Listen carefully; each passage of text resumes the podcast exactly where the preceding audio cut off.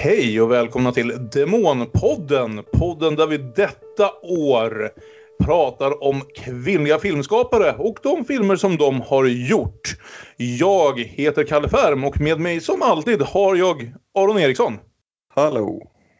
Och för första gången i den här poddens nästan 60 avsnitt så har vi inte ett spår av Björn Waller med den här veckan. Lite konstigt, men också tecken på att det här inte riktigt är ett avsnitt som de andra. Det här är något av ett specialavsnitt. Tidigare i den här andra säsongen om kvinnliga filmskapare så har vi ju lagt upp det så att vi har sett två långfilmer som har mer eller mindre tydliga kopplingar till varann och sen diskuterat om var och en för sig och hur de spelar till varandra. Och eh, ja, haft en ganska tydlig mall för hur vi har lagt upp de här avsnitten. Så just när vi har lärt oss hur man gör de här nya avsnitten så bryter vi den mallen. Det här är nämligen inte ett avsnitt riktigt som de andra. Det här avsnittet är främst byggt kring en intervju med den amerikanska filmprogrammeraren som det kallas och filmvetaren Nelly Killian som har satt ihop ett helt set med dokumentärfilmer av kvinnor och om kvinnor som heter Tell Me. Eh, mitt intresse för den här serien och för Nelly som filmvetare eh, startade när jag såg en intervju en konversation rättare sagt som hon hade med Jenny Slate som några av er kanske känner igen från till exempel eh, Parks and Recreation eller hennes egen film Obvious Child där de diskuterade de här dokumentärfilmerna och den lades upp på Criterion Channel tillsammans med alla då 24 dokumentärfilmerna som ingår i den här serien. Vad är då Criterion Channel? Det är ju då en streamingtjänst skapad av Criterion Collection som ju mycket, alltså 80-talet har varit nummer ett, bäst i branschen på att skapa såna här, vad ska jag säga, imponerande DVD-utgåvor och annat av klassiska filmer. De har räddat otaliga filmer från att bli bortglömda, restaurerat upp gamla bortglömda mästerverk från runt om i världen och så vidare. Och Criterion-utgåvor var på den tiden man samlade DVD-skivor lite av liksom juvelen i kronan på något sätt. Det var alltid de som man la mest pengar på om man var som jag och eh, satte högst upp på finaste platsen på hyllan. Nu har ju Criterion precis som alla andra i någon mån behövt gå över till streaming. De eh, släpper fortfarande DVD och Blu-ray-filmer men eh, naturligtvis har mycket av branschen flyttat över till streaming. Och då har de då startat det som kallas för The Criterion Channel. En alldeles ypperlig streamingtjänst som dock tyvärr inte finns tillgänglig i Sverige än. Om man dock som jag har en VPN, alltså en tjänst som gör att man kan se ut som att man befinner sig i något annat land och som används av många för att ja, för att behålla sina detaljer privata på internet så går det även att se på Criterion Channel om man är i Sverige. Så det gör jag ibland. Och det är jag väldigt nöjd med för det är förmodligen rent kvalitetsmässigt den bästa streamingtjänst jag dykt på. Det är otaliga klassiker och mindre kända väldigt intressanta filmer som dyker upp där. Så när jag då såg hela det här dokumentärfilmspaketet släppas där tillsammans med en intervju så titta, började jag med att titta på den här liksom, introducerande intervjun just med Nelly och Jenny Slate. Och tyckte direkt att Nelly verkade vara en väldigt intressant person. Uppenbarligen otroligt kunnig om det här ämnet. Och ja, jag tog kontakt med henne och hon accepterade och vi spelade in en intervju med henne för ungefär en månad sedan det var superkul. I samband då med att jag skulle prata med henne så passade jag på att se inte alla de här 24 filmerna i paketet. För det är som sagt 24 filmer som sträcker sig från att vara ungefär en kvart långa till rena långfilmer och de sträcker sig från 60-talet och framåt.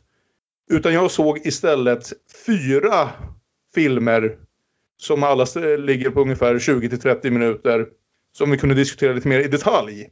Det gör vi under den här intervjun och sen så tänkte vi för att vi skulle få in en lite mer vanlig konversation som, som vi brukar ha dem så tog även Aron och tittade på de här fyra filmerna sen efteråt. Ni sålde in dem väldigt väl så efter att jag lyssnat på intervjun så tänkte jag att ja, de vill jag se. Mm. Och det är jag glad att jag gjorde. Så de fyra kortfilmerna ska vi väl säga, kortdokumentärerna som vi ska diskutera i det här avsnittet är Joyce Chopra och Claudia Wales Joyce at 34. Leanne Brandons Betty Tells Her Story Roberta Cantos, Clotheslines och... Ja. Vem som nu gjorde Janis Janie. Janis Janie som är tillägnad fyra olika filmmakare, varav tre av dem är kvinnliga. Så det kommer nära nog, vill jag påstå. Det räknas ju uppenbarligen in enligt Nelly i den här filmsamlingen. Utöver att vi ska diskutera de fyra kortfilmerna här idag så kommer vi även ta en titt i ett mer ordinärt avsnitt nästa vecka när vi tittar på två långfilmsdokumentärer om kvinnor av kvinnor. Dels Leila Weinraubs Shakedown och dels Tamara Kotevskas Honeyland. Men eh, mer om det nästa vecka.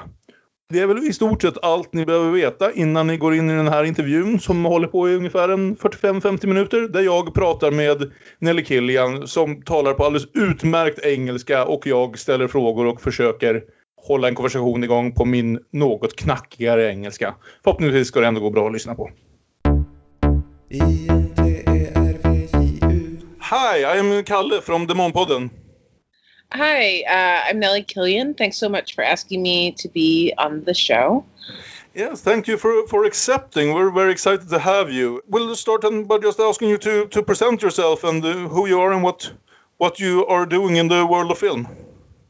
Okay, uh, my name's Nellie Killian. I'm a programmer, and um, I've been a programmer for about 15 years, doing a variety of festivals, um, working at institutions, and now freelance. And um, the most recent series, ones that we're going to be talking about, is Tell Me, which I originally did at the Metrograph Theater in New York in early 2018 and spent the next couple years sort of figuring out how to bring it to a larger audience. Oh. And in May of this year, it premiered on the Criterion channel with a number of new special features, including conversation with one of the distributors of um, many films by women in the 70s and 80s, and with an old friend of mine, Jenny Slate, who was a big fan of this series when it was at Metrograph originally. Yeah, Tell Me is a series that I developed in the fall of 2017 as a lot of uh, the sort of Me Too allegations were coming out, and there seemed to be a real need for these stories that actually already existed of women talking about you know the kind of traumas and things that uh, were coming out in the news that in fact so many women who'd felt alone in these situations shouldn't have had to feel so alone. There really was a lot of women who had already kind of bravely told their stories and unfortunately those stories weren't circulating. Yeah and and also i feel like there needed to be a bit of a corrective um, that there's a lot of types of stories that women tell and have told that you know aren't based in trauma or uh, really based in interactions with men at all and sometimes and that there's this sort of vast experience of women that is on film and um, the films in Tell Me are all really about women directors and women subjects and kind of creating that space for women to tell stories that might not really um, have a platform in the sort of male dominated world of film. So that was sort of the impetus for the series, yeah. Yeah, that's fantastic. I got interested right away when I, like I said, I saw this this conversation that you had with Jen Slate right at the moment that we had um, aired our first episode of this this second series, mm-hmm. and I th- thought right away that this is something we should latch on to. It felt a bit like we had this idea already uh, last summer, and now with with your um, documentary series and um, this. Uh, our series of documentaries and um, the documentary series made by Mark Cousins called Women Make Film that has just been airing on Swedish television. We really felt like we kind of got in at the right moment. Uh, so we've been trying to pick up some steam by by collaborating with other people interested in, yeah. in the subject of female filmmakers and and the, the different perspectives in all types of film. In our case. It's great that um, I feel like I haven't seen the Mark Cousins movie yet, but from what I've heard, he focuses on a lot of directors who um, really, even amongst you know cinephiles, are not like household names, and um, it's great uh, to bring more to bring those people out of those shadows, I guess. Yeah, yeah it's, it's, really interesting. I, I just finished the series, and uh, you can tell just from the from the quality of many of the film clips that he has really been like digging into some archives because they're not all great, in great shape. And that, that's actually one of the questions I wanted to ask you as well. Uh, many of these movies that you curated for this collection is um, they're very very differing lengths uh, from different times and so on. Purely technically, how do how do you go about collecting them or curating them together in one place? Well, I've always been interested in sort of a very broad spectrum of films, going to really everything, like from a you know Raoul Walsh retrospective or a you know Bergman retrospective to these sort of smaller programs where um, you know it's a series of uh, films made by activists from the 70s, and you know they're there to talk about it. I'm sort of, you know, interested in it all. So over the course of the years, I'd seen a number of these films in different contexts, whether it was a, a focus on a specific collective that made work or a filmmaker who worked in this type of, you know, vernacular, whether it's, you know, experimental or whatever. Yeah, so I'd seen some of the films. And then uh, once I sort of had the idea for the series, I started doing more research, going through catalogs of films um, from organizations like Women Make Movies that um, or Video Data Bank EAI uh, organizations that are sort of in alternative distribution and have a lot of films by women from many decades past just to see like well let's just see how many I can watch of of the movies that are directed by women in this catalog how many are about a women's subject Mm-hmm. Um, I went to the library and did a similar thing. Uh, I have a good relationship with the librarian at the New York Public Library's film collection, and she had already sort of made a list of um, feminist films in their collection, which I went through and watched everything that seemed to fit my parameters. Yeah. And then you just sort of start, um, you know, I asked a number of people who I know were interested in this sort of thing if they had recommendations once I started finding a few things, like at the library, I watched a ton of movies on 16 millimeter in their, you know, AV room, yeah. and um, I started to notice that, like, oh, so many of these ones that I really like are by New Day Films, which I was not familiar with at the time.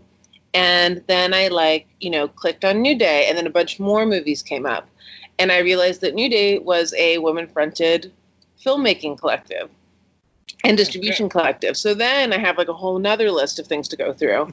So it really it really is like just kind of going down the rabbit hole like that. And figuring out what the resources are. Like in my case the new york public library has always been an incredible resource but also um, these institutions in new york or institutions in the experimental film community like vdb that um, i knew would be sort of interested in this project and sort of also you know I think the thing, people who work at organizations like that, archivists, you know, they're very familiar with their own collections and often are like, no one is asking about this movie that's so great and I don't know how to get it out there. So when you come in and say, I want to show this movie that no one's like rented to exhibit in 15 years, you know, they're over the moon.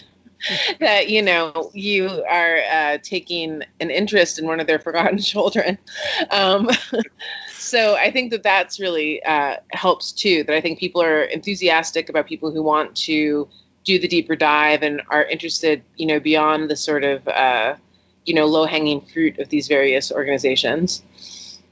Right. How, how, how, have the films kept in terms of quality? Has there been any chance to do any form of restoration, or have they needed it? Or because I'm thinking they're all fairly low budget films, many filmed on 16 or even 8 millimeter originally, and lots of movies of that type and from that uh, from that era have been uh, badly treated by the years. Yeah, I think um, a number of a few of the films. Um, were already New Day already had an agreement with Kanopy, which is a library-based streaming service in the U.S. All right. So they'd already digitized a lot of stuff. There was a couple movies in the series that when I showed them, it sort of prompted the filmmaker to say, "Well, I've been meaning to do a new color correction on this digitization, or do a HD thing or whatever." So that kind of prompted, I think, um, or sped up the process of getting it up to sort of like a more top notch digital quality, since um, obviously on Criterion everything's going to be digital.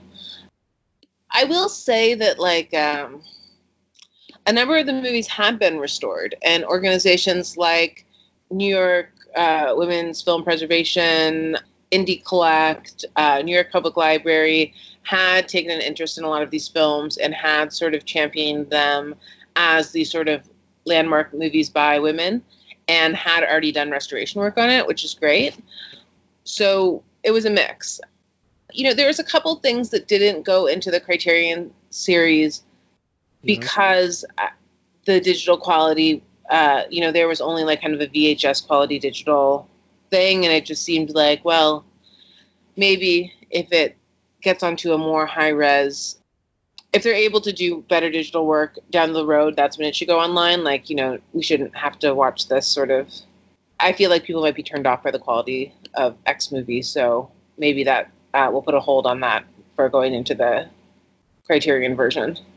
I, I see. Uh, do you know, are Criterion planning any sort of a, a disc copy or a release copy for, for purchase, or is it going to be a streaming you know, uh, thing only? Streaming, I don't really know the um, the way it works with disc disc stuff, but I know it is so expensive. And um, yeah, so streaming is all we've talked about, and I I imagine the disc thing is just a whole different. I mean, just on a very basic level, getting the rights and everything for you know 20, 30 movies. Uh, I imagine would be quite a feat for disc. Um, it was you know yeah. even on streaming. Yeah, I, I, watched a few of these. I didn't have the time to watch all of them because, well, there are 24 of them, and I got to thinking these films are clearly artistic endeavors, and I was kind of interested because they're of such uh, disparate lengths. I mean, they range all the way from 15 minutes long all the way up to feature length. Like, how were they released back in the day? Did they stand any chance of? I mean, I can't imagine them being commercial pursuits. They were clearly artistic endeavors when they were made. But how how were they seen? Is it was it only film festivals and the like? Well, you know, some of the filmmakers definitely sort of walk the line between the art world and the film world. Someone like uh, Camille Billops, who made Suzanne Suzanne, yeah. or Barbara Hammer, who made Audience, I think are even maybe even primarily art world figures. So in that context, I think you can the length, the feature length is not as much of a sort of standard, yeah. and um, a lot of the films were on educational markets. Um, they were you know, sent to basically, um, I mean, the women from New Day talked about how they could almost see like the women's movement like growing around the country based on where their films were going, like as different feminist organizations popped up in different states. Um, they would, you know, show these films as like sort of consciousness raising type things for the women there. Uh, something like Janie's Janie or something to, you know, show like a woman kind of coming to this realization about like her um, autonomy and sort of like her, you know, being a political person in the world. Yeah. So there was like a lot of different ways that things traveled around, but I would say that the primary things were festivals, educational markets, and the sort of circuit that's in between sort of I think the film and art worlds with organizations like Video Data Bank and Electronic Arts Intermix, where they're uh, working with video artists as well as uh, sort of experimental film people. Yeah, uh, which probably means, I imagine, that they haven't been seen much uh, since they were new and newly released. Because, um, well, even on, in, on the film festival circuit and so on, you're looking for, for new stuff, so to speak.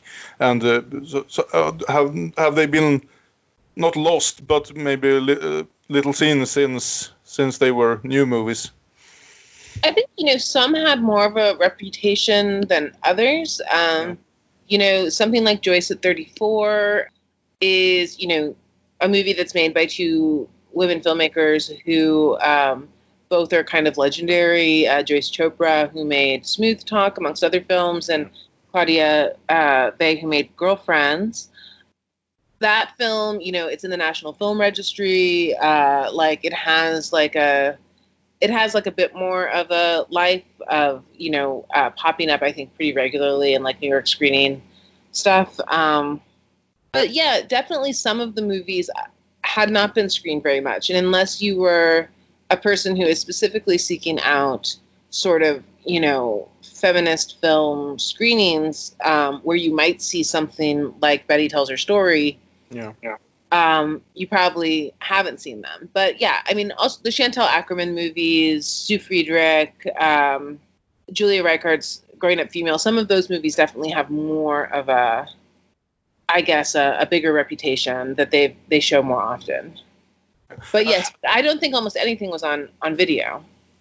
It, it's all relative. Like you know, there there are movies that I feel like almost no one had seen, and then there's movies that people had seen if they were kind of in the know, and then there's movies that maybe people even that weren't specifically interested in feminist film would know because someone like Yvonne Rainer, or Chantal Akerman is like a, a mainstream art film name, eh, but you know we're still talking about kind of something marginal outside of like any sort of mainstream knowledge of the the films for sure.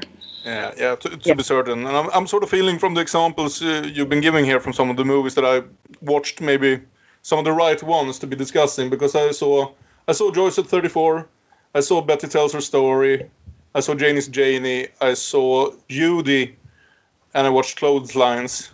Oh, great! Yeah, they were ama- amazing experiences, all of them in very different ways. And uh, also, what they had in common, most of them anyway, uh, is that you're really th- thrown into the documentary. There's not setting the scene in the way you might imagine, you know, like a news reporter, a TV report doing of telling us who, who this woman is, where she's from, and we kind of have to find it out along the way and, and, pick up the pieces and do do some of the hard work ourselves watching these movies. That was, I mean, part of I think what interested me is, you know, there are many movies like where a woman makes a movie about a, a female celebrity or something that still has this kind of, you know, it's kind of like your generic documentary to a certain extent. Yeah. I was more interested in movies where you really feel kind of an intimacy with the subject and potentially even can kind of feel the relationship between the director and the subject that she's really talking to someone. That's sort of the content of the films, that it's not about, you know, it, it's about that sort of intimacy um, and not about sort of, uh, inf- you know, ringing information so yeah, definitely, all of the um, all of the films are very much like about that sort of immediate experience. Yeah, I am sort of uh, curious about that the, the what uh, you want to call it, the relationship between the female filmmaker and the f- female subject in front of the camera, because of course there's been many stories of, of female subjects told by male filmmakers or, or even in documentary and so on, uh, and what sort of a difference that that makes? Because I did absolutely feel a difference because many of these movies that I watched, something like uh, Joyce at 34, is made at approximately the same time as something like uh, Grey Gardens, which is also a, a, documentary focusing on the story of women, but by male filmmakers. Uh, at least the, film, the, the, interviews are all done by, by, by the Maysles brothers, who are who are obviously male, but I, I believe they have had female collaborators also behind the camera, but primarily. I think right. Charlotte Zwerin is like primarily an editor, but co-director. Yeah. Or you know, co-creator. Yeah. Yeah. I think it's like what people are choosing to focus on. Like something like clotheslines, I think it's very clear in that movie that this is like a body of knowledge that's being passed from mother to daughter and is basically going unnoticed by all the men in the picture. So, like to a certain extent, it's like what man is going to realize that's even a subject for a movie? You know, um, that it is like very much in the sort of female world. And, you know, Joyce at 34, I think that uh, that one is a little bit different than a lot of the films in the series, in that uh, the subject is actually one of the co directors, um, yeah. which is something I avoided mostly because I feel like autobiography is maybe something a little bit different. Um, but in this case, you know, uh, it, it, it fits so well that yeah, there is something. They're attuned to the sort of feelings of the women in a different way than than something like Grey Gardens. Um, it, it's definitely a different approach. Yeah, they seem so relaxed. The women being interviewed in these movies seem so relaxed. So I don't know if that has to do with about talking to a fem- female interviewer, but they seem more at home. Yeah, uh, the women of Grey Gardens are constantly commenting on, on the men interviewing them and sort of reacting to them almost nervously, or uh, at least having to to bring that up, so to, so to speak. And uh, I don't know if it, if it makes for a more comfortable interview situation with a female filmmaker interviewing a female subject. And in, in, many of these cases, you almost get the feeling that they're talking to a friend, someone who's gotten to know them for, for real, so to speak. I don't know if that's true or if it's just a, uh, the feeling of the movie. Yeah, I mean, I think it's you know it's a matter of style. Like, um, I would never want to say that one way is better than another, but I do feel like for something like it happens to us, which is one that's about uh, women talking about uh, getting abortions, and it was all shot like a year before that became legal in the United States. Right. Um, all of these women are basically, you know, most of them that aren't in New York, the one state where it was legal, um, are you know basically uh, detailing a crime that they committed, mm-hmm. and also talking about you know something that in many cases is just absolutely horrifying. Um, you know what the process was when it was illegal. You know, going to these butchers, as so many of them call them, and for that film to be made and those women to be comfortable, it wasn't just a female director; it was an all-female crew that like it was only women in the room because what was being discussed was so sensitive. I think you feel that in that movie that these women are kind of it's not just that they're willing to talk to these women in more sort of intimate terms, but there's a sense that they're really telling the story for the benefit of other women. That, you know, the reason that they're willing to sort of disclose this and to describe something in such sort of, uh, you know, harrowing detail is that they don't want other women to have to go through it. And, um, you know, that film was ultimately used as an organizing tool as um, the sort of fight for uh, reproductive freedom, sort of in, in the real height of the, that moment. Yeah, absolutely. Yeah, it's, it's just really interesting to see how relatable so many of these stories are, even for, for me as a, as a male watcher, but also how, what shall we call it, the, the pressures of society are apparent in all these movies, but at different, whatever you want to call it, different intensities, different de- degrees. You can mm-hmm. sense it just in the story, in the story that Betty tells in the movie. Betty tells her story, uh, but it's much more apparent, much more. In, in it's very much more apparent in something like Janie's Janie, because Janie is a woman who has learned to confront the, the, the wrongs of society with her rage. By uh, basically, she says that straight up, basically, that her rage is her superpower. She learned how to get angry at at what she saw around her that was wrong, and that's how she has gotten to confront it. Yeah, I feel like what's so interesting in that too is that the way that she sort of it's like by realizing what people were doing to her and like you know being angry about things that were happening to her yeah. she was able to have like empathy for other people who were being wronged um, that it is this kind of thing that you know the sort of self knowledge of like I actually have been told my whole life that I am less than that I can't do these things but I can. And now I'm realizing that I've been thinking uh, that other people you know were less than. And like I'm it's wrong. And like you know it kind of takes that recognition in your own life before you can kind of move on to having sort of a more of a recognition of sort of how it's functioning in society.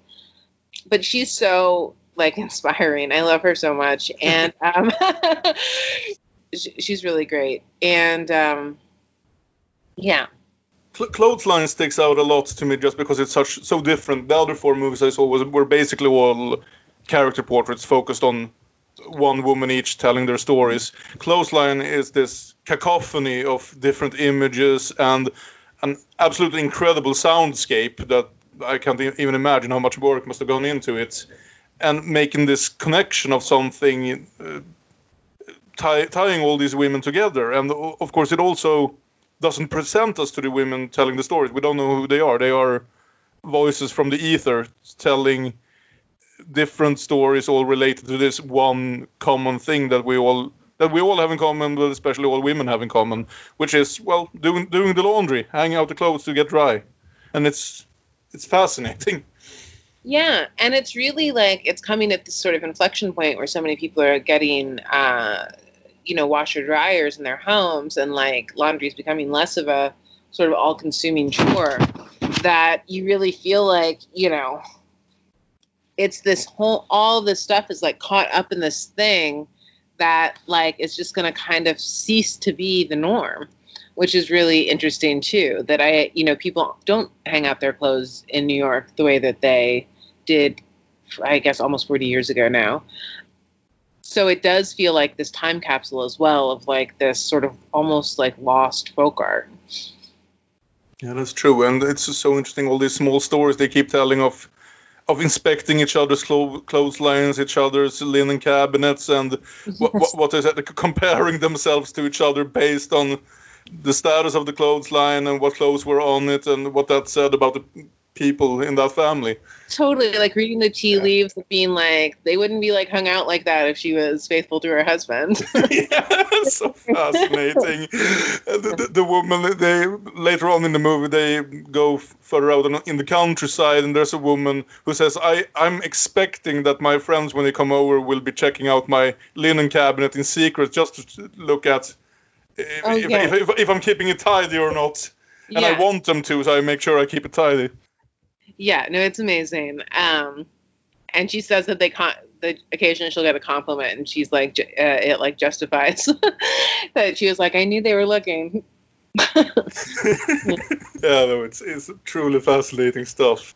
I actually remember the thing I was going to say about Janie's Janie yeah. was that you know so many of these movies are from this kind of like second wave feminist moment that I feel like you know is very white and like not intersectional and there's a lot of like criticisms of you know women who've remained stuck in this moment. But it's what's interesting to me is you're actually capturing this when it was new and like so expansive that the way the women are they're kind of like summoning the words to be able to describe their experiences. And like you know how do you like naming it basically like this sort of oppression that they've been feeling. And with someone like janie you see the way that that sort of very organically leads to a consciousness of race and class and all these other things that it isn't just about her being a woman. It's about the ways in which the world holds all sorts of people down. And um, i find that so interesting that like there is so much sort of um, potential in the way that these women are sort of breaking through something and like realizing something that like you know hadn't really been talked about or named in the same way before. That's interesting because of course you can see some sort of progress hopefully from many of these movies and most of the ones i watched anyway are from the 60s and 70s i would say. Uh, clothesline is probably 80s yeah. uh, but uh, but at least 40 years old uh, at this point and in some of them you can clearly tell the progress that hopefully some of this has gotten better since then. Uh, but then there's other stuff where you're just thinking, yeah, no, nothing has really changed. This movie is made 10 years before I was born, and nothing has really changed. I, I am a father of two young children, and watching Joyce at 34, I was thinking I just played. I, I had this conversation yesterday. Yeah.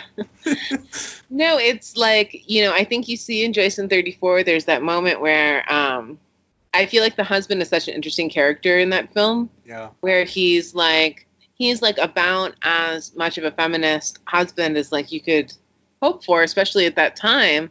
But like he's still kind of like it just keeps on coming up where he's like, it didn't occur to me to do the dishes. Yeah. Like she was telling me that I should do the grocery shopping uh, half the time, but I was like, but I have to work, and I didn't think so does she. th- those scenes evoke a certain sense of guilt in me. I'm, I'm not gonna lie. Um, uh, th- those conversations were very very close to home.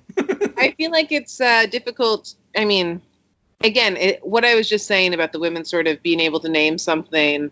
I do feel like these things, like uh, you have to be kind of con- con- constantly conscious of them, even now. Uh-huh. Like that, it, it is sad to me a little bit that it hasn't just completely normalized that of course like all housework is 50-50 yeah. but like it, it, just really hasn't yeah yeah we're, we're, doing our best to work towards it at least yeah. at least i am trying i sometimes fail but i do keep trying oh man yeah i feel like there's very few people if they could get away with doing less housework they wouldn't uh,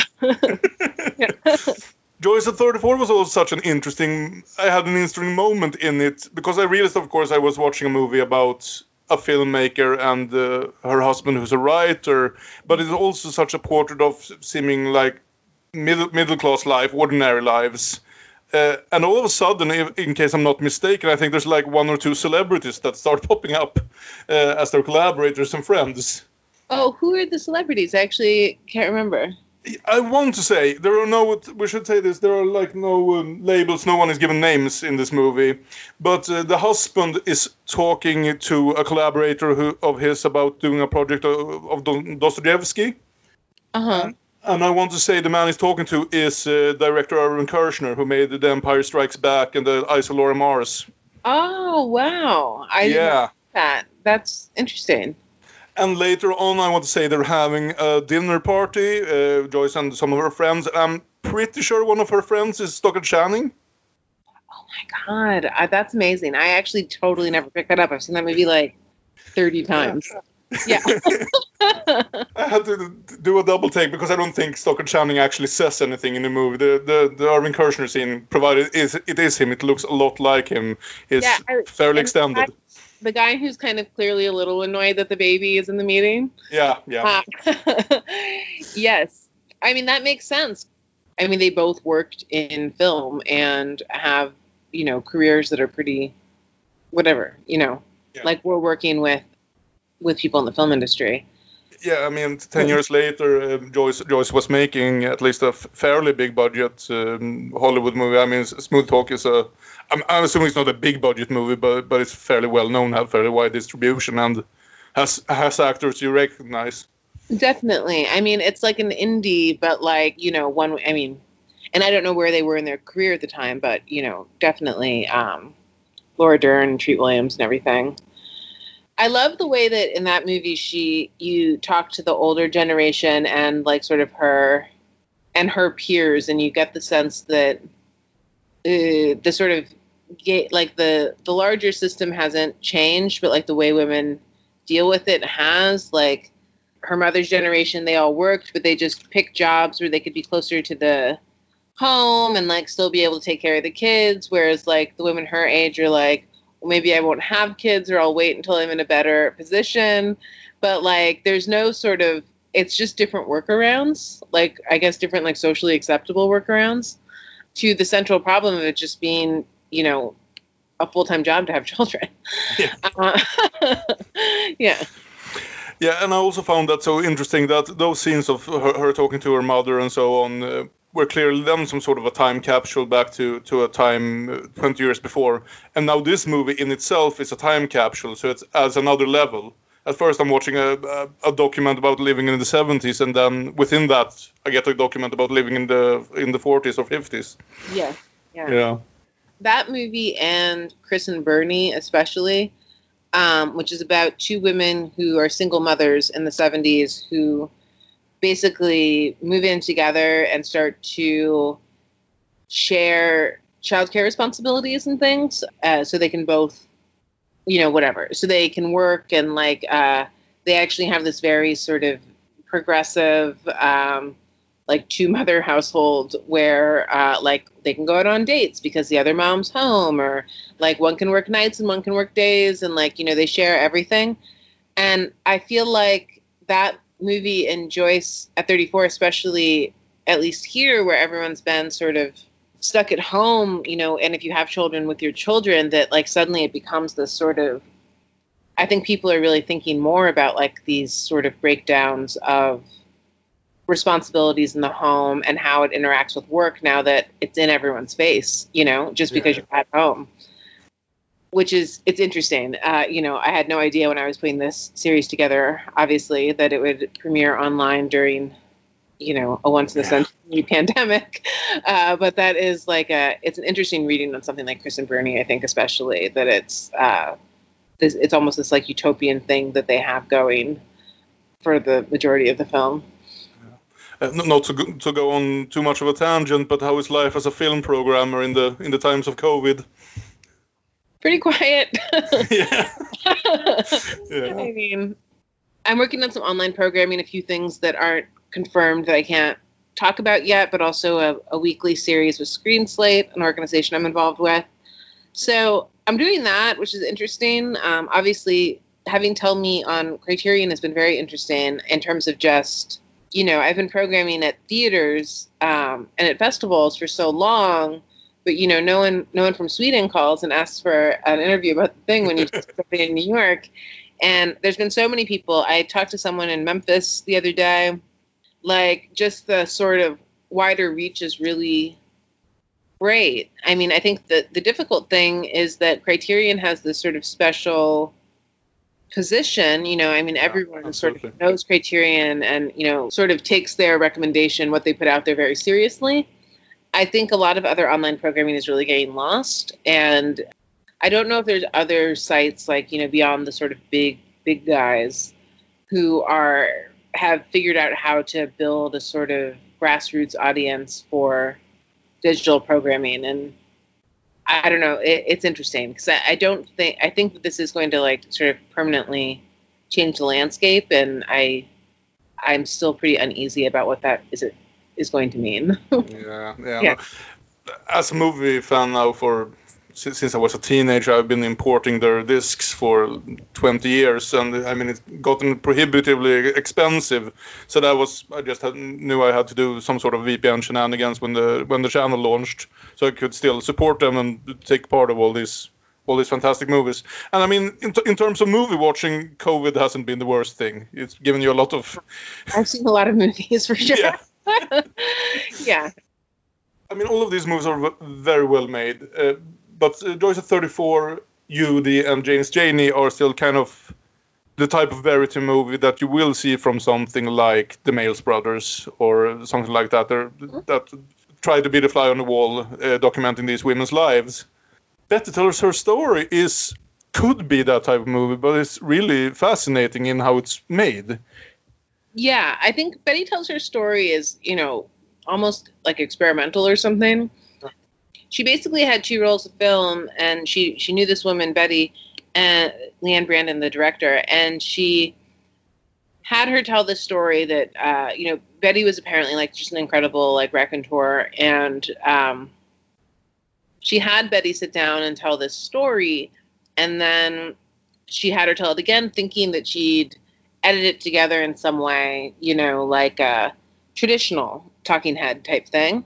Yeah. And she apparently spent like a year looking at uh, the two takes. Uh, there's a, you know, she was supposed to have three takes, whatever, but like she only had the two. She was looking at them for a year, trying to figure out what to do with it. And then like one day she took it over to her friend's house and was like, we need to, like, can you help me just figure out, like, I, I can't figure out what to do with this. Yeah. And they were like, let's just play them both back to back so we can see watch them both like in their entirety and then we'll figure out what to do and i think they put it on like a Steenbeck and watched them watch the two reels back to back and we're like well that's the movie which is um, kind of incredible to be able to see that and you know realize that it's actually so compelling and the ways that she tells the story the first time through and the second time through you know yeah. the first time through she's so she's telling you all the details you get like a better sort of sense of you know abc of the story mm-hmm. but the second time through i think it's not even just that she's more emotional but that she knows that you know the beats and she gets into these like the way she starts describing things is much more about her perception of it. It's not about the story that she tells that she's rehearsed that you know the beats of it the way everyone has their kind of cocktail party stories. Like the second time through it takes on like sort of why is this the story that i tell? Like why do i even tell this story in sort of this amusing way when clearly it's something that you know hurt her just you know disturbed her. And she gets into it in this way in the second half where it's you can just see the way in which she's sort of i mean i feel like it's almost like when you start to think like that's a weird word. And then like or you know like you know if you think about uh, how to like grab a glass it's yeah. like an automatic thing but when you actually are like well how does my brain tell my hand to grab that glass? Like it suddenly becomes like mysterious you know? Yeah yeah i know exactly like what you mean. You, you said a word there, there that i'm not familiar with. Did you say Steenbeck? no. Oh like a uh, an editing uh, oh okay. uh, film editing bench yeah. Yeah okay okay. sorry I, I wasn't familiar with the word. Yeah. Many of the movies in in your the collection are it's it's very American focused. There are non-American movies, but uh, there's a strong American focus in the, in the programming that you did for for the collection. Was there a thought behind that, or was it just a, a question of availability? It was a question of availability, definitely. There was um, a couple French movies in the original series, and I think one or a few uh, a few of them made it into this final version. Mm-hmm. But I do feel like ultimately, the sort of what I was talking about seemed maybe to be rooted in certain sort of American ideas of feminism that was like more difficult to kind of track onto other countries' cinemas, um, especially considering like, and also just like other cinema, other countries like um, production stuff. You know that like a lot of this is just independently made American films, and like it's just it's different everywhere else. Like um, I think to a certain extent, you know. Yeah, yeah. That it sure, just sure. ended up feeling like this did kind of feel like an American series. Yeah, yeah. um, sure. Even though you know, with exceptions, there were definitely a few. Um, there was definitely one French movie that was shot on Portapak that I didn't end up putting in the um, series. That was a the Carole Roussopoulos, Delphine Seyrig, um, "Be Pretty and Shut Up," which uh, interviews actresses at Cannes and um, talking about their experiences working in the film industry. Yeah, that's, that's interesting. Uh, also, there's a couple of Chantal Akermans, I would say, in the collection. Yeah. And Mimi, which is uh, by Claire Simon, who's also right. a French filmmaker. Yeah. So anyway, like I said, this this interview is most likely going to be a part of an episode where we look at two documentaries about women by female filmmakers. Having said that, we've not quite decided which movies we're going to see. We're trying to watch movies that are widely available via streaming or at least DVD in Sweden, and that kind of narrows our choices, unfortunately, so that we can tell tell the listeners where to go get them. The one movie in your that I haven't seen that's in uh, the collection tell me is that is also wi- widely available is uh, Shakedown because that's a movie that they simply put up on their own website. Yeah, but Sh- I'm glad to hear that Shakedown is available worldwide. Yeah. Yeah. I, I, like I said, I haven't seen it. So maybe we could do a short presentation of what, what Shakedown is. If that, I think we might be going with that one as one of the choices. Yeah. Well, Shakedown is a film uh, by. Uh, Leilah Weinraub. It's about an underground lesbian uh, strip club in Los Angeles that sort of was this kind of you know unique space where you know it was by women for women and um, they really created this community and it moved around a bit in los angeles um, eventually finding a home finding a home at this one bar and the director was a person who was going to these shows and was sort of started shooting i think kind of casually with like a you know consumer level camera. It has this very like home movie feel where she's shooting the dancers and the the crowd and you know the mc and um, the sort of stars of the show. And there's this like kind of incredible home movie feeling of it of these women have created this space that's like so unlike anything else. And um, it is you know i think like all sort of utopian things something that is fleeting. And it's she's capturing something that doesn't exist anymore that like you know did like sort of lose its space. And it is this kind of you know just a really incredible um, celebration of this community that sounds really interesting. I'm, I'm looking forward to watching it.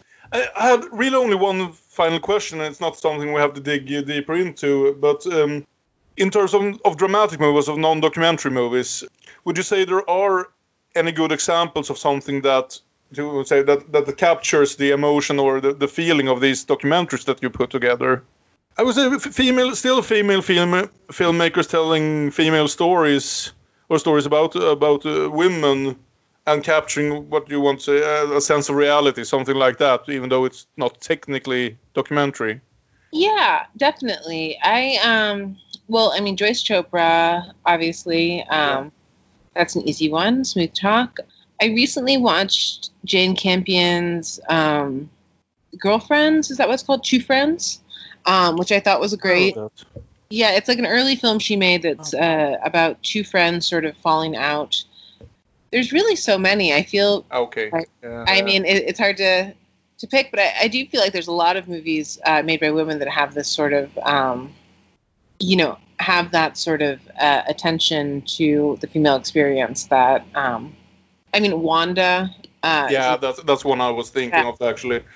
I haven't Uh, actually ever seen that one, and it's uh, it's so it, it's it's it's cast a shadow. You, you I've heard about it so many times, and I'm really looking forward to, to watching it because I'm pretty sure we're going to get to that one sooner or later. I think uh, Josephine Decker too. I really love Madeline's Madeline, her film from a few years ago. Okay. It's a great sort of. There's a lot of uh, three female characters in it that I all think have this sort of their interaction with each other and sort of the neuroses and stuff that she's getting at with that. I think are really interesting. Yeah. I was kind of tempted to, to do an episode on, on Jeanne Dielman, but I'm wondering if that's a lot to put our listening audience through to ask them to watch it because th- that movie uh, that movie is great, but it's a lot of work. Yeah, it's definitely. I mean, I feel like that's a movie that I've seen in theaters primarily rather than at home, which I think gives you a little bit more of a attention. I think Certain Women by Kelly Reichardt's another one maybe to consider. Oh, yeah, Um, yeah, she has those three those three stories I think are all distinct. And in some ways I feel like it's kind of a nice compliment with some of the films in the series since it is like these I think you know pretty regular women. And it is these sort of miniature portraits of them you know in however long they are like 30 minutes piece That, that's what's so great. Uh, For uh, for years and years, you built up this watch list, and now you have a reason to just go through it uh, and uh, and pick out the great movies by female filmmakers that you, for one reason or another, just missed when they when they were new. Yeah, no, I I have a couple groups that I have, you know, uh, once every two weeks or three weeks meeting with to watch stuff, and it's always like, can we just pick something that has been on our list forever, and Yeah. you know, whatever. Like we watched Shoah, which all of us had always wanted to watch, but like not gotten around to, and you know, we have that the time now. But it was like, you know, it's incredible, and like having that deadline, I think really helps. Just be like, yeah, I'm just going to do the thing I want to do. Yeah. Anyway, thank you so very much, Nellie. I think it's been a, a, a great talk. I've learned so much, and I had such a such a different experience, such a very rewarding experience watching these movies. And I've only seen five of them, so I still have 19 to go. Yeah. Um, no, thank you so much for having me on. Um, it was great talking to you. På slutet där så pratar ju Nelly lite mer om Shakedown. För vid tillfället så trodde jag att vi skulle prata om Shakedown i just det här avsnittet där vi även skulle ha intervjun. Men nu blev det där ju lite mer av en försmak inför nästa avsnitt. Tack till Nelly Killian för att hon ställde upp på den här intervjun. Det var ett väldigt spännande och intressant samtal att ha och jag är jätteglad att vi kunde få ha med henne och snacka med henne och stjäla ungefär en timme av hennes tid. Men det var ju kul också att vi tydligen sålde in de här, framförallt de fyra filmerna som vi pratade lite mer om. Så väl att även Aron kände för att sätta sig ner och titta på dem och prata om dem. Så ja, Aron, vart tycker du vi ska börja? Ja, först eh, bra intervjuat Kalle. Grattis till denna insats. Jag tyckte ni kom igenom mycket intressant. Och själva det här kurerar, eh, programmerar jobbet som hon beskrev det och hitta de här filmerna och hur folk var så glada. Ja, den som ingen har tittat på på 15 år, vill du visa den? Jippi! De är ju kul de där historierna, framförallt för oss som har ett väldigt romantiskt förhållningssätt till film och tänker att oh, det är som drömmar. Se Mm. människors drömmar och så letar man upp en glömd dröm någonstans. En film som varit försvunnen och sen hittas i någon garderob i Argentina, en kopia. Jag är ju väldigt glad i film noir och det finns ju mycket historier om folk som letar rätt på de filmerna och rustar upp. Det var kul att höra om hennes letande. Ja, jag håller med. Det är ju det som nästan är mest spännande just att det är en sån spridd mängd alla de här filmerna. Som sagt 24 av dem i samlingen. Nu kommer vi bara prata om fyra av dem men jag sitter ju här och tittar på en lista över de andra 20 och det är, jag säger inte att jag kommer se dem allihopa men jag kommer nog att se ett gäng till bara för mitt eget goda nöjes skull. Också kul att få gå tillbaka och titta lite på kortfilm, något som ganska ofta liksom man inte riktigt känner att man har tid med. Det känns inte, känns inte som man tittar riktigt på riktig film och ibland är det svårt att eh, vad heter det, få in dem i schemat. Men eh, när man, framförallt som jag, pluggade lite liksom filmskapande och dokumentärfilm och sådär. Så tittade man ju på väldigt mycket kortfilm. Gjorde en hel del kortfilm också för den delen. Eh, mm. Så det är ju liksom ett intressant format för de här historierna som kanske inte behöver vara längre. Att inte liksom, de tvingas ut till långfilmslängd bara, bara för att. För det, det ligger tre eller fyra långfilmer i, det här, liksom, i den här samlingen också. Men de allra flesta är ju någonstans mellan en halvtimme och en timme långa. Ska vi ta och prata om någon film? En film som hade ett intressant format som ni pratade lite om är ju Betty Tells Her Story. Ja, precis. Av de här fyra filmerna vi pratar om ska man säga så här att två kändes som mer traditionella dokumentärer. Janis Janie och Doys at 34 där man liksom följer en person i hennes liv och hon får berätta om det.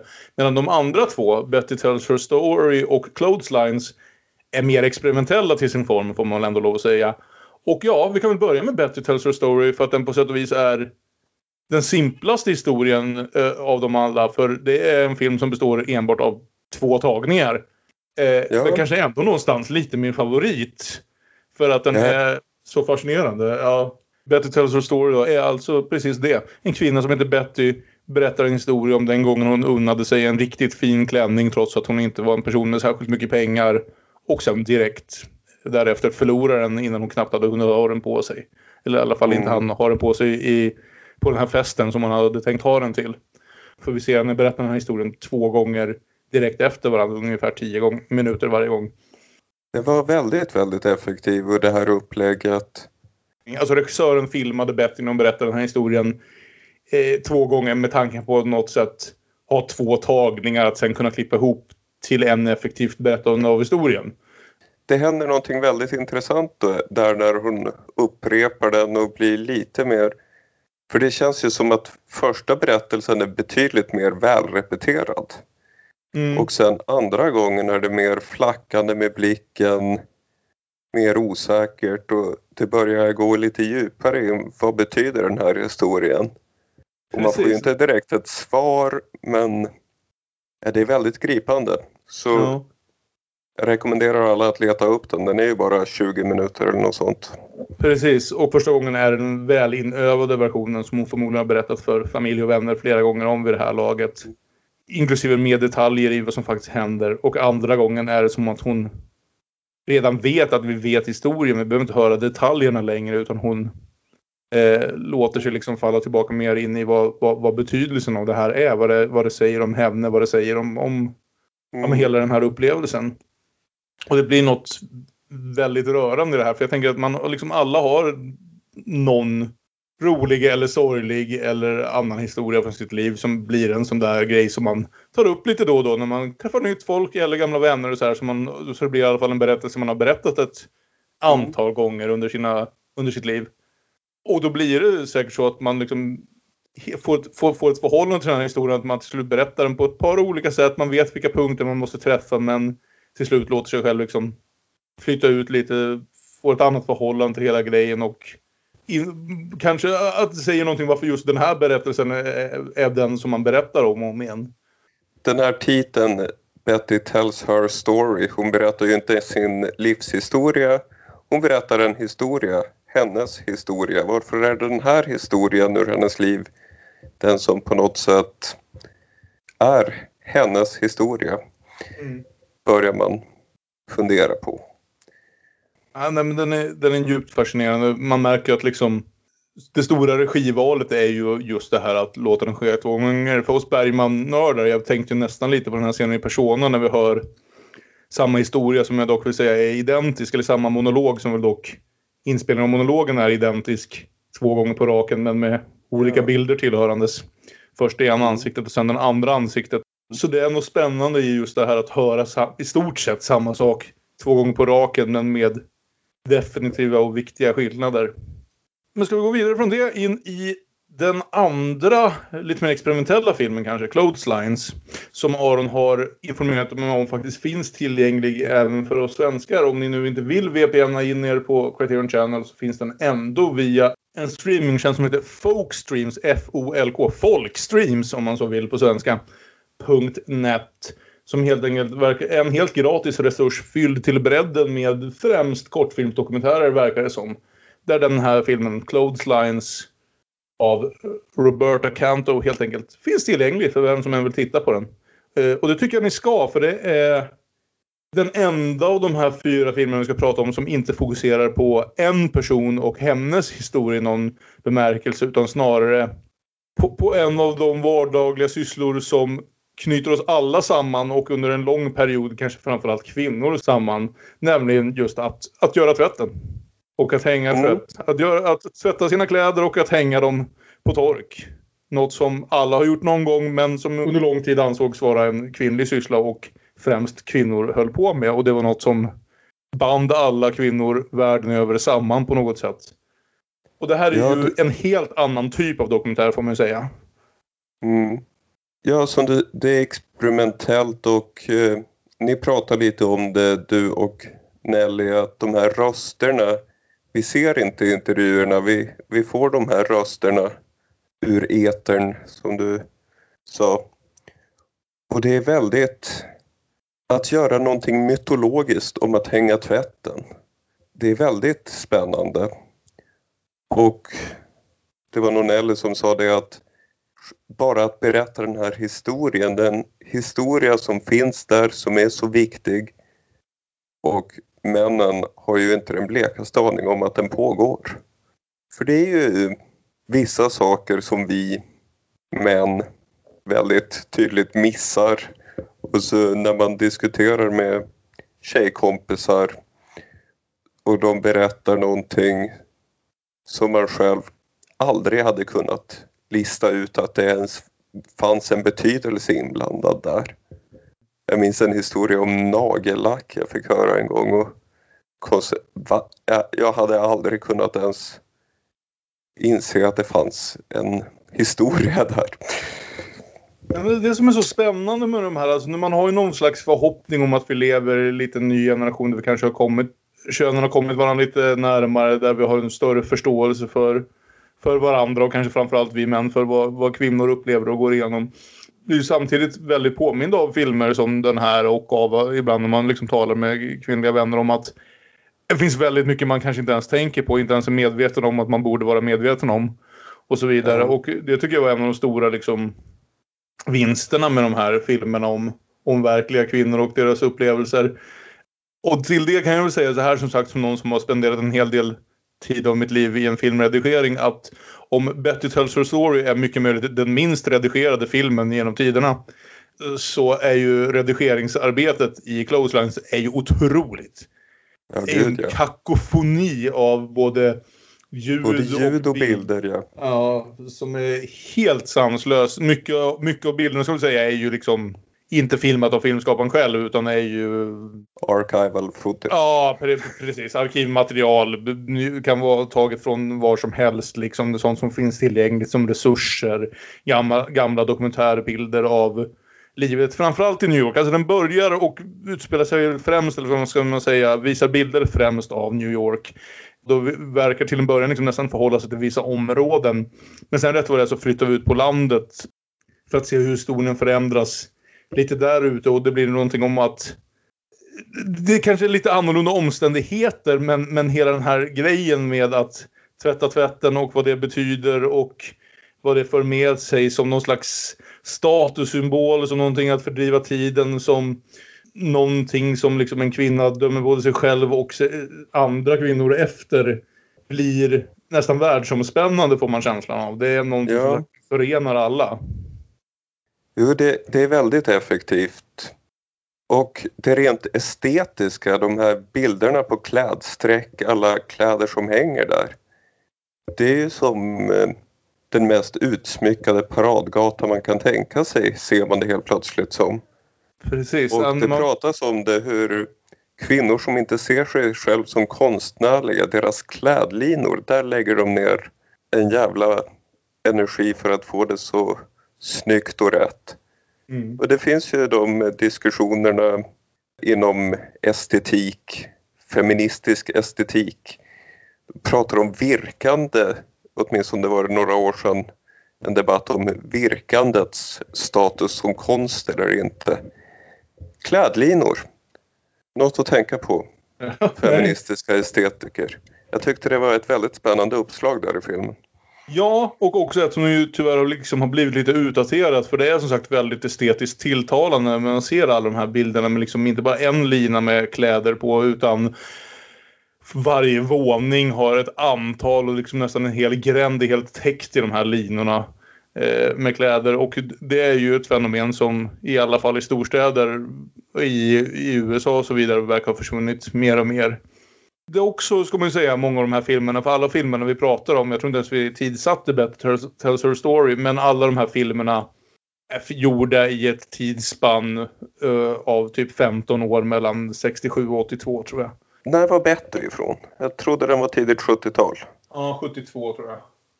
Och Joyce at 34 och Janis Janie också tidigt 70-tal. Ja. Clotheslines 81. Precis, så. Så- nästan bara tio år där. Men man får känslan också av, framförallt i Janis Janie, att de har följt henne så pass länge att många av historien, alltså många av bilderna och faktiskt intervjuerna där i kan nog vara på 60-talet. Eh, och Clothesline som sagt är ju baserad så mycket på vad heter det, arkivmaterial att vi ser bilder från alla möjliga tidsåldrar. Men just i det Jo. blir den också ett sånt fint tidsporträtt någonstans. Framförallt kanske av New York. Det finns helt fascinerande bilder bara av liksom vardagen där. Eh, som är väldigt, även de estetiskt tilltalande med eller utan klädeslinor. Och bara det tycker jag alltid är roligt och intressant att se. Liksom den typen av arkivbilder från, från en annan plats, en annan tid. Ja, du har ju pratat om de filmer du verkligen älskar är de som skapar en helt egen värld. Och jag skulle ja, instämma med det och kanske gå att en subkultur som att se det ur den världens synpunkt och det kan vara allt från David Cronenbergs Crash, de här människorna som lever genom bilkrascher eller Bring It On, de lever genom cheerleading om man går med på det och ser ur det synvinkeln och här ser man i Clotheslines klädsträck är det viktigaste i hela världen. Mm. Om man går med på det för eh, filmen, det är en spännande upplevelse. Ja, och det är väl de två mer, vad ska vi säga, experimentella av de här två filmerna. De eh, två scener som vi tänkte diskutera då, Janis Janie och Joyce at 34, är kanske lite mer bekanta i alla fall för andra dokumentärfilmer man har sett. Där eh, filmskaparna helt enkelt mer eller mindre som en fluga på väggen följ, följer en kvinna och hennes liv när hon genomgår någon form av förändring och ser hur hon hanterar den. James Janie har ju kanske inte riktigt en lika tydlig hook som Joyce at 34. För Joyce at 34 handlar helt enkelt om en, om en hårt arbetande kvinna som blir mamma och försöker hålla fast vid sitt arbete och liksom hantera de Mm. förändringar som det innebär att, att skaffa barn. Eh, Janis Janie handlar ju mer om en kvinna som har brutit sig loss från vad som låter som ett ganska hemskt förhållande. Eh, nu ensamstående mamma. Och via Mm. det ja, men bli medveten om världen omkring henne, om den politiska världen, om, om liksom orättvisorna i samhället runt om henne. Eh, och blir så jävla förbannad och verkligen det väck, väcker en eld inom henne om att hon måste ställa sig upp för feminismen, för antirasismen, börja kämpa fackligt, börja kämpa för att det finns så sjukt mycket orättvisor i samhället, inte minst det amerikanska samhället. En sån nedvärderande syn på ja, människor som hon, hon själv, en, en ensamstående mamma som inte Mm. har så gott, gott ställt men som ändå jävlar i mig kämpar på och sliter och gör det bästa hon kan för att, för att få allting att fungera och vill även att samhället ska kunna göra lite mer för sådana som henne. Jo, både den här Janis Janie och Joyce at 34 känns ju... Det känns att det här är början av andra vågens feminism. Mm. 70-talet. Och eh, som ni sa där i intervjun, just Janis Janie att den är så intersektionell, hennes aktivism. just där i början att det fanns där då. Den tanken fanns där i andra vågens feminism och det är inte vad man minns den för när man läser om den numera. Nej. Om det var ett löfte som inte riktigt hölls av den vågens feminism eller om, om vi är lite orättvisa mot den i efterhand. Mm. Får man läsa mer. Se fler filmer. Se en film från 75 också. Men det är ett så fascinerande bara porträtt av den här personen. För vi liksom följer henne under vad som känns som i alla fall ganska lång tid. Egentligen baserar jag bara det på antalet gånger som hennes hår förändras under filmens gång. För hon hinner byta hårfärg och hårstil och allt möjligt. Så det är ganska tydligt att den är filmad under ett gäng månader om inte år. Det, allt sånt Mm. görs, ska vi säga, i de här filmerna görs väldigt otydligt. Det finns inga förklarande berättarröster eller textskyltar eller annat. Utan vi slängs in i det här, i hennes berättelser. Och förväntas liksom hänga med. Ja, men då avslutar vi kanske också då med eh, Joyce at 34 som jag får känslan av är den filmen som kanske jag och Nelly pratade mest om i intervjun och kanske också därför den som vi inte behöver säga så där väldigt mycket om här. Förutom, men det är en berättelse som ju kanske framförallt jag ändå någonstans kände igen mig en del i som den av oss här i podden som är förälder. Eftersom den handlar om att skaffa sitt första barn och hur det påverkar familjelivet och arbetslivet och annat. När båda föräldrarna vill fortsätta jobba men liksom det ändå kräver en del en del förändringar behöver ske för att få helt enkelt vardagen att gå ihop. Kan jag säga också om någon vill se den. Den börjar helt enkelt med att filma eh, Joyce, då, Joyce Chopra som hon heter, som själv står som en av de två regissörerna till filmen. Ja, den filmar födseln utan att Ja. liksom, vända bort kameran. Så om man eh, har svårt för att se detaljer av barnafödsel och vad som händer där så, så kanske inte, kanske man vill hoppa fram de första två, tre minuterna. Men ja, been there, done that. Demonpodden har trappat upp från fårafödsel till människofödsel. Precis.